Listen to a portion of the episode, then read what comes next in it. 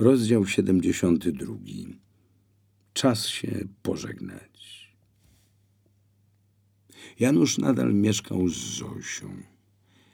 Bez Włodka, który się wyprowadził na swoje, ale za to z Jagodą, z którą się ożenił.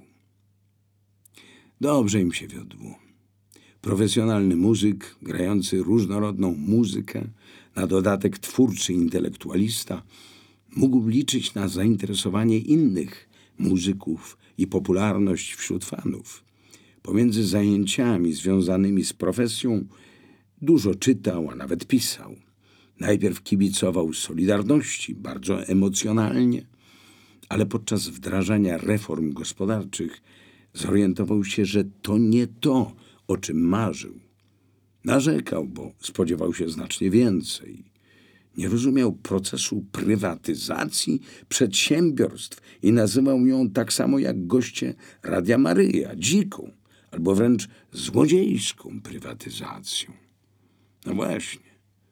Brakowało mu Radia Wolna Europa, a ratowała go nowa rozgłośnia redemptorystów z Torunia z księdzem Tadeuszem Rydzykiem na czele. Janusz starał się słuchać audycji, niedokończone rozmowy, jak najczęściej.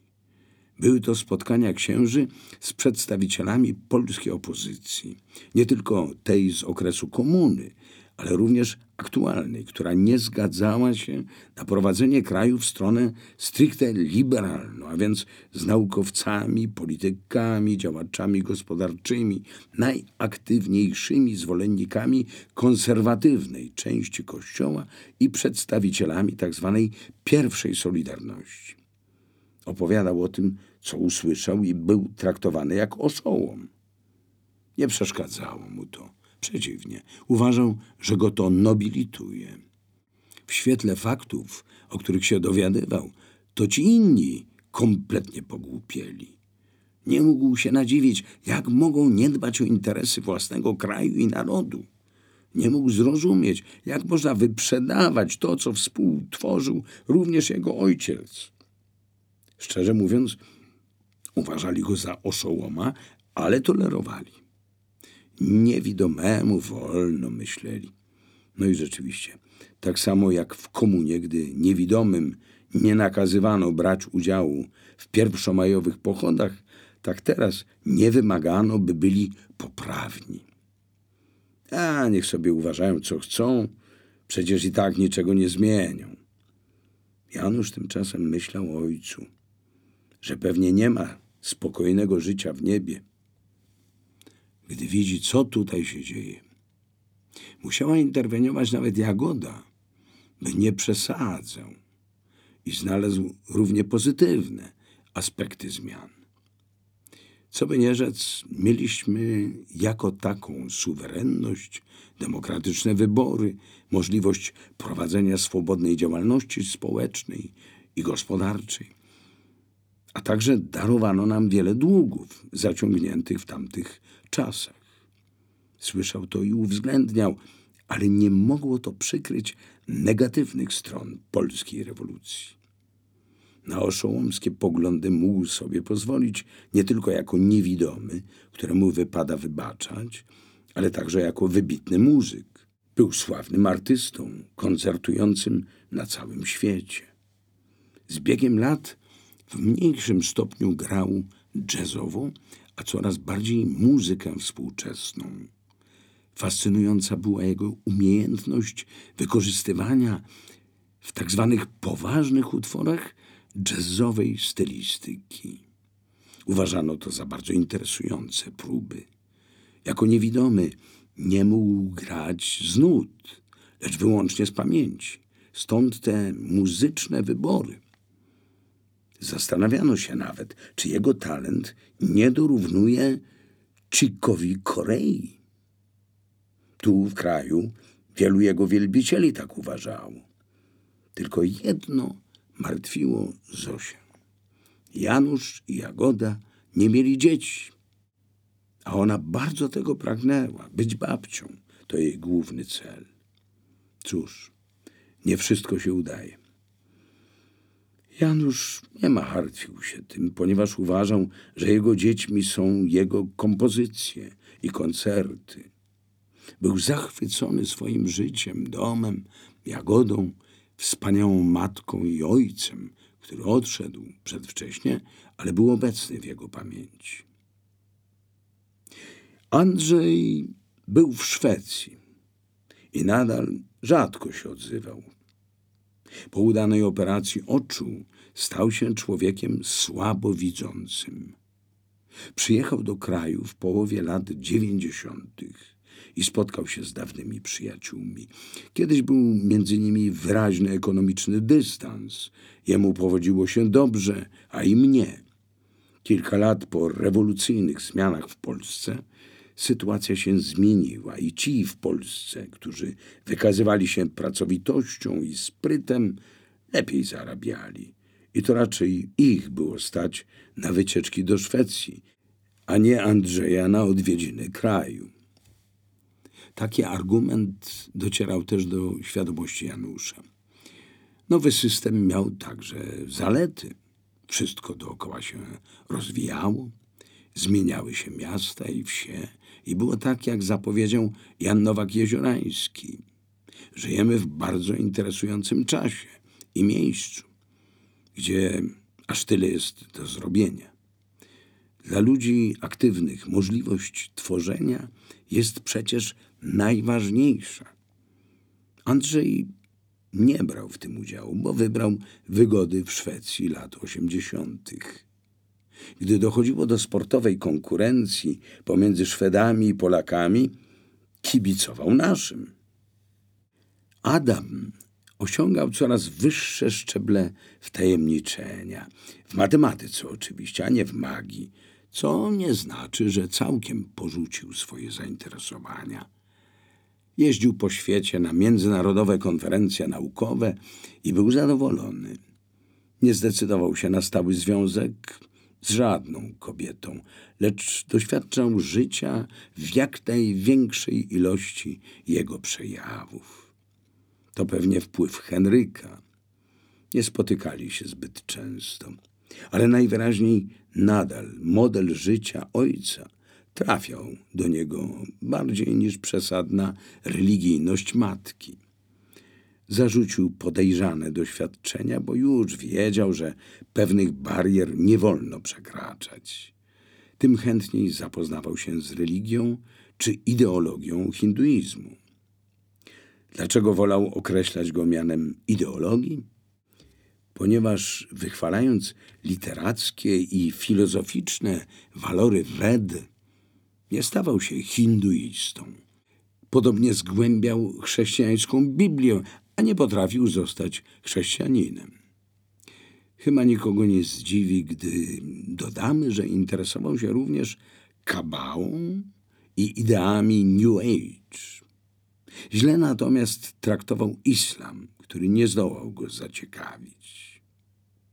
Jednym z największych przyjaciół Adama był Eryk, z którym toczył długie dysputy. Chrześcijaństwo czy wolne myślenie i zamiłowanie do różnych ideologii. W dużym stopniu uważali podobnie, a Adam często po prostu prowokował. Zaraz zadam ćwieka temu konserwatyście, myślał. Rozmowy te rozwijały ich obu. Dzięki nim Adam znał podejście Eryka do życia, a Eryk coraz bardziej doceniał swoją religijność i namawiał do niej Adama. Wypada przyznać, że po opisanych doświadczeniach poglądy Adama zmieniły się. Dowiedział się przecież, że istnieje Bóg i szatan i przestał żartować z wiary innych ludzi. Przeciwnie, brał pod uwagę, że przyjdzie ona i do niego. Tyle, że jeszcze nie teraz. Eryk mieszkał z rodzicami i Agnieszką, a Małgosia się wyprowadziła. Razem mieszkało się im dobrze. Jak się okazało, wszyscy pasowali do siebie i żyli zgodnie. Stanowili rodzinę i było jasne, że to także grono przyjaciół. Otwarci, nie wpadali w kryzysy zwykłych, codziennych nieporozumień. Jak to się działo? To chrześcijańskie zasady, związane z dekalogiem i miłością do bliźniego, jak do siebie samego. To również delikatność Marysi i prosty i prawdziwy charakter Piotra. Te postawy ułatwiły im wejście w trudne lata dziewięćdziesiąte. Po burzliwym okresie poszukiwań, możliwości widzenia, zupełnie co innego stało się ważne. Być razem i cieszyć się tym, co się ma. Znalazł ciekawą pracę w ministerstwie, gdzie wykorzystywano kilka jego talentów, nie tylko matematyczny, ale także zmysł organizacyjny i dobre przygotowanie muzyczne. Bardzo go to cieszyło. Kontynuował muzykowanie razem z innymi amatorami i marzył o nagraniu płyty. Zaczął pisać, bo uważał, że ma coś ważnego do powiedzenia. Działał także społecznie. Agnieszka zapomniała o depresji, gdy tylko wyprowadziła się od swoich rodziców. Zajęła się dziećmi, które na szczęście nie przejęły genetycznej wady po ojcu i babci Marysi. Były w tej sprawie poważne obawy, gdyż nie przypadkiem Eryk słabo widział. Miał wadę wzroku, dokładnie taką jak jego matka. Wszyscy zdołali ułożyć swoje sprawy stosownie do czasu, w którym żyli. Być niewidomym to zawsze trudne, ale dobre wykształcenie, rozliczne zainteresowania, umiejętności i rehabilitacja wiele ułatwiają. Jednak jest coś jeszcze. Mieli cudowne nastawienie do życia. Nie oczekiwali łatwych sukcesów, a przeciwnie, wszystko, co osiągnęli, było wypracowane w pocie czoła. Ba, liczyło się również to, że trafiły im się wspaniałe rodziny i optymalne miejsce zamieszkania. Nie bez problemów, ale przynajmniej w trzech spośród czterech rodzin w kwestii przygotowania do życia swoich niepełnosprawnych synów spisały się na medal. Patrz pan, mówił Adam do Eryka, co byśmy zrobili, gdybyśmy nie mieszkali w stolicy? Jak obserwuję innych niewidomych, którzy mieszkają w małych miasteczkach albo co gorsza gdzieś na wsi, robi mi się smutno. Jak los ograniczył ich szanse? Sam nie wiem, co bym mógł tam robić. No, ja fajnie spędzałem czasu dziadków na wsi, no, ale nie mam pojęcia, jak mógłbym dostać się do liceum, a potem na nasz wydział, gdybym stamtąd pochodził i tam mieszkał. Dreszcze przeradzają mi się po plecach na myśl o tym. Mieliśmy dużo szczęścia, ale jak go nie mieć, przynajmniej w moim przypadku, gdy urodziłem się w czepku? A daj spokój z tym czepkiem. Przecież wiesz, że nie wierzę akurat w tę historię. Ja czepka nie miałem, a żyję sobie jak pan. Polska się zmieniała. Od roku 1989, bez względu na to, czy komuna się skończyła, czy w istocie nie, wszystko stawało się inne. To, że część opozycji nie uznawała przemian za wystarczające, przekonywało takich ludzi jak Eryk czy Janusz.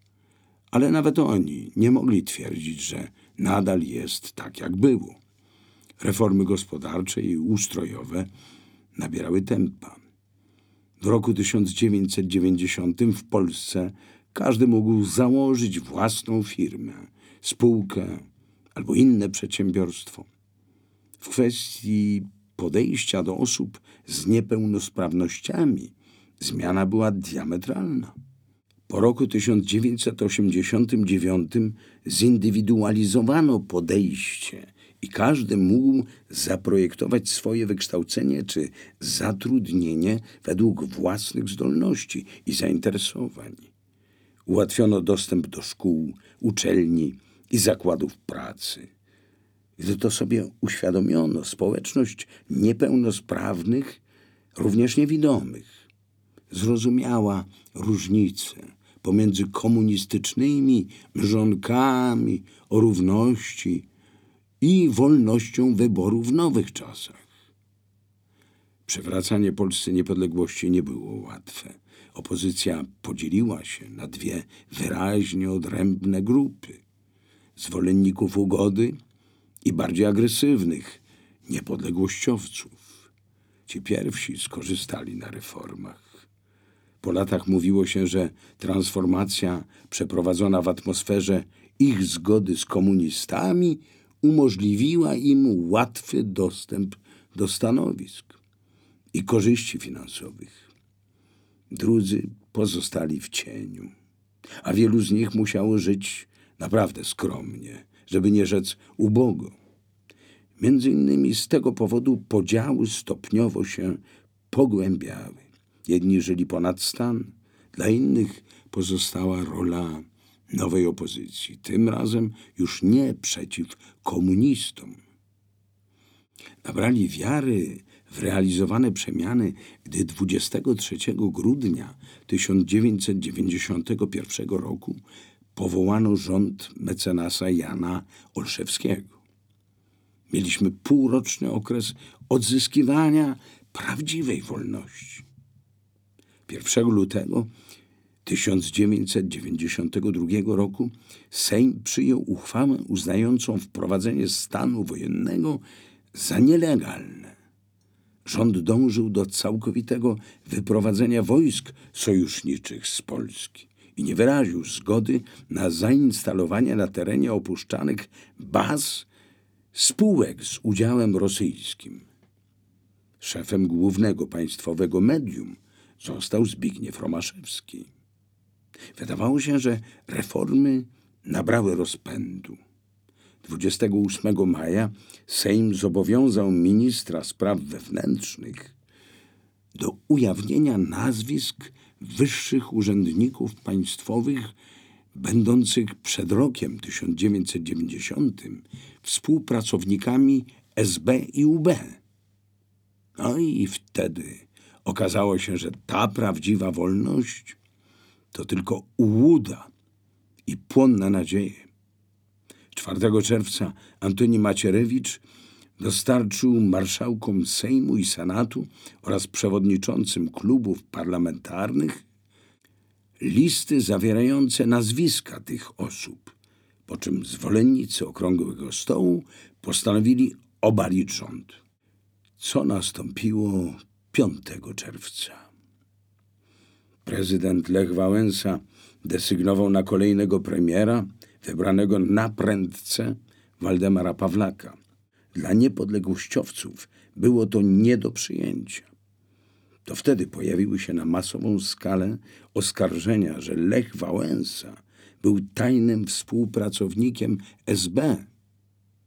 Przyszedł czas włączania kraju w struktury europejskie oraz natowskie. 1 lutego 1994 roku zaczęły obowiązywać układy stowarzyszeniowe Polski z Unią Europejską, a 8 kwietnia władze złożyły formalny wniosek o przyjęcie Polski do UE. Z kolei 1 grudnia NATO podjęło decyzję o rozszerzeniu paktu o kraje Europy Środkowo-Wschodniej. Formalnie nastąpiło to 12 marca 1999 roku. Po raz kolejny Eryk z Marysią pojechali na wieś. Dojazd nadal był koszmarny. W tym przypadku trudno było mówić o rozwoju. Pociągi do Lublina czy Radomia jeździły szybciej i miały nieco wygodniejsze wagony, ale jakby na złość zlikwidowano wiele lokalnych połączeń. To też podróż wcale nie była krótsza i wygodniejsza. Nie zrazili się tym wcale. Rozmawiali i przypominali sobie dawne czasy, kiedy tędy podróżowali. Więcej mówiła Marysia. Wspominała, jak nie doceniła zaawansowania swojej ciąży i udała się na wiejską zabawę, a potem trafiła do małego wiejskiego szpitalika, by urodzić Eryka. Dobrze mu było tego słuchać, kiedy opowiadając o sobie, mówiła też o nim. Kiedy stamtąd go zabrała, gdy lekarz ich wypuścił i wracała do Warszawy. Z perspektywy czasu wszystko wydawało się łatwiejsze niż naprawdę było. Wiedziała, ile ją kosztował każdy wysiłek, każda sprawa, problemy, porażki i sukces. Miała trudne życie. Ledwie kilka lat spokoju, potem okrutna wojna i utrata ojca i brata. Los jej nie oszczędzał i straciła także drugiego brata. Szybko umarła jej matka i została sama. Na szczęście poznała Piotra, który zaopiekował się nią i razem stworzyli szczęśliwą rodzinę. Cokolwiek sobie przypominała, było nacechowane głębokim żalem. Od początku życia słabo widziała. Jej los był więc niejako naznaczony szarością, czasem czernią. Mimo haseł o społecznej empatii, władze nie były pomocne w okresie, gdy najbardziej tego potrzebowała. Dobrze, że potrafiła sobie poradzić, dzięki czemu wychowała dwoje dzieci i mogła cieszyć się wnukami. A on, Eryk, hmm, siedział obok i cieszył się, że ona jest. Boże, żebyś tylko jak najdłużej mi jej nie zabierał, myślał. Ona mówiła, a on słuchał i rozkoszował się jej głosem. To co innego, miłość do dziewczyny, narzeczonej, żony, a co innego do matki. Jak już to wspaniały czas, gdy można mieć je obie. Dojechali do ostatniej stacji. Przeszli jak zawsze sześć kilometrów i dotarli do babci. Eryk marzył, by pójść na spacer w to samo miejsce, gdzie ujrzał niegdyś tamten cudowny krajobraz, który na zawsze utkwił w jego pamięci, gdzie po jego oświadczynach Agnieszka odpowiedziała tak. Udało się zrealizować to marzenie. Poszli. Było lato, jak wtedy, gdy miał ledwie osiem lat. Szli jak zawsze piaszczystą drogą. Minęli zabudowanie, potem las i rozpostarło się przed nimi pole, którego samotną właścicielką stała się babcia. Dziadek zmarł. Marysia opowiadała, że jest pięknie i martwiła się, kto teraz skosi zboże zajmujące cały widnokrąg. Pewnie babcia załatwi jakąś pomoc, ale póki co źdźbła żyta i pszenicy kołysały się na wietrze i pięknie pachnąc czekały na swój kres. A gdzie te sławne trawy, które zasłaniały mi obraz? zapytał Eryk. Tam, gdzie zawsze. Musimy dojść do miedzy, pójść w głąb pola i dojść do strumyka. Pamiętasz? Przy dużym słońcu był wyschnięty, ale kiedy indziej był pełen wody i zalewał niższe połacie ziemi. Pamiętam strumyk, ale nigdy nie byłem tutaj po deszczu. Z tego, co wiem, zawsze brakowało w nim wody. Ledwie się sączyła. Wiele razy wyobrażałem sobie ten krajobraz, ale to już nie to. Obraz zdążył wyblaknąć w mojej pamięci. Kontury się zagubiły, nie mówiąc o tamtej pięknej kolorystyce, którą stworzyły promienie zachodzącego słońca. Rozjaśniały wszystko, co zdołało wychylić się z cienia, ożywiając tyle kolorów i odcieni, że trudno było to ogarnąć i okiełznać rozbujane emocje. Pamiętam te pola pachnące bardziej niż cokolwiek innego i niebo, które najwyraźniej mi sprzyjało. Szkoda, że nie widzę, prawda, mamo? No szkoda, szkoda. Ale dobrze, że masz wybitną wyobraźnię i widzisz czasem więcej niż inni. Eryk szedł z matką pod rękę i rozmarzył się na dobre. Wspomnienie tamtego obrazu skłoniło go do przypomnienia, jak bardzo muzyka zastąpiła mu obrazy. Zaczął słyszeć uszami wyobraźni jego ukochane schody do nieba i przypomniał sobie, że nie mógł opanować tekstu Roberta Planta, a gdy niemal się to udało, musiał go zmodyfikować, by razem z odgrywanymi nutami zdołać to sobie zanucić. Szli i myśleli, a on zacytował matce słowa, które wtedy ułożył, nie tyle tłumacząc tekst Planta, ile na jego podstawie improwizować swoje odczucia na jego temat. Wtedy tworzył to dla jego ukochanej Agnieszki. Ale czy tylko dla niej? Może bardziej było to dla niego samego?